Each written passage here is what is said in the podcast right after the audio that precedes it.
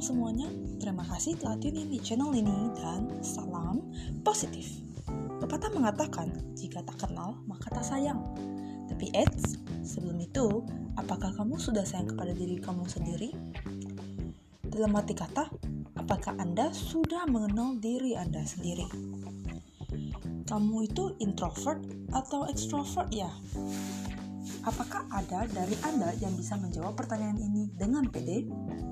Apa mungkin masih belum pede untuk menjawab karena belum paham perbedaan antara keduanya?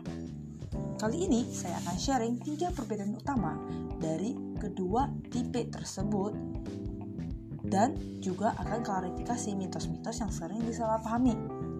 Pertama, cara mengecas energi. Jika gadget membutuhkan masa pengecasan, maka begitu juga dengan kita sebagai manusia.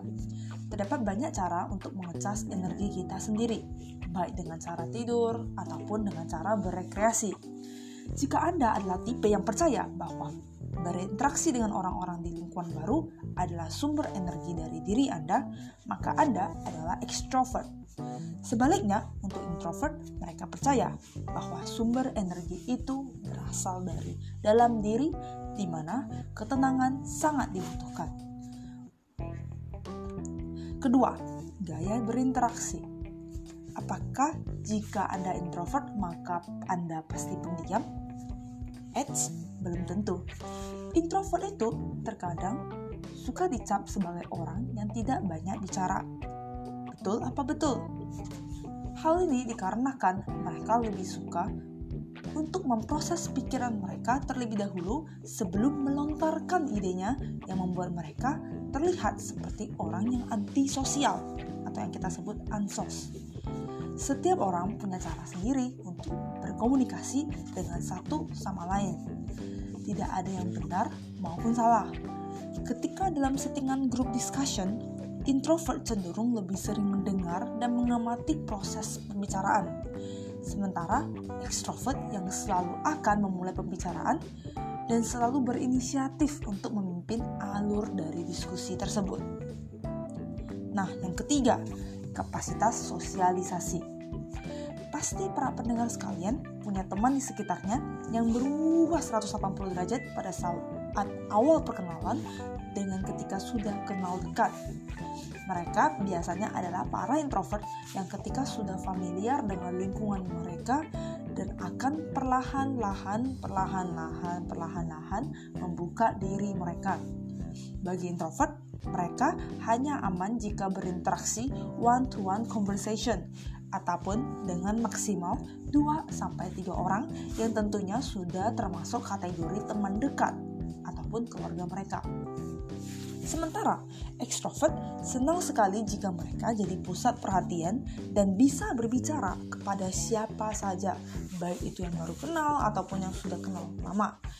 Kapasitas sosialisasi mereka biasanya dari puluhan hingga ratusan orang dan mereka tidak pernah mengenal lelah. Karena bagi mereka itu semakin banyak orang yang mereka sosialisasi, maka akan semakin banyak energi yang terkumpul. Nah, sekarang, apakah Anda sudah tahu perbedaan antara introvert dan extrovert? Anda termasuk kategori yang mana? Introvert dan extrovert saling melengkapi satu sama lain. Coba bayangkan, jika dalam settingan diskusi, jika semua partisipannya adalah orang introvert, maka ide tersebut tidak akan pernah mengalir karena ide tersebut hanya akan berputar di dalam otak mereka dalam waktu yang cukup lama. Tidak ada yang berinisiatif untuk memimpin alur diskusi. Sementara jika semua ekstrovert berkumpul menjadi satu grup, bayangkan, maka diskusi tersebut tidak akan pernah berakhir karena semuanya akan berebutan untuk menyampaikan ide, akan berebutan berbicara, dan endingnya tidak akan ada konklusi yang akan diambil dalam diskusi tersebut. There's a saying goes like this. When you know yourself, you are empowered. When you accept yourself, you are invisible. Jika kita mengenal diri kita sendiri, maka kita satu langkah lebih tahu apa sih kelebihan yang bisa kita kembangkan dan menjadi lebih baik. Dan apa sih kekurangan kita yang bisa kita poles untuk ke depannya. Dan dari sana kita akan merasa lebih percaya diri. Menyadari fakta bahwa siapa pun dari kita tidak ada yang perfect di dunia ini. Maka kita pun belajar mulai dari menerima diri kita apa adanya, baik itu kelebihan maupun maupun keterbatasan yang ada.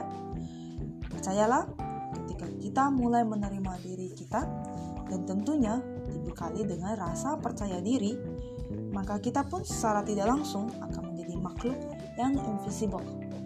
Ketika kita invisible, maka tidak akan ada rintangan fisik apa pun yang bisa menghadang kebebasan mental kita dalam mencapai cita-cita dan impian yang kita inginkan setinggi apa pun.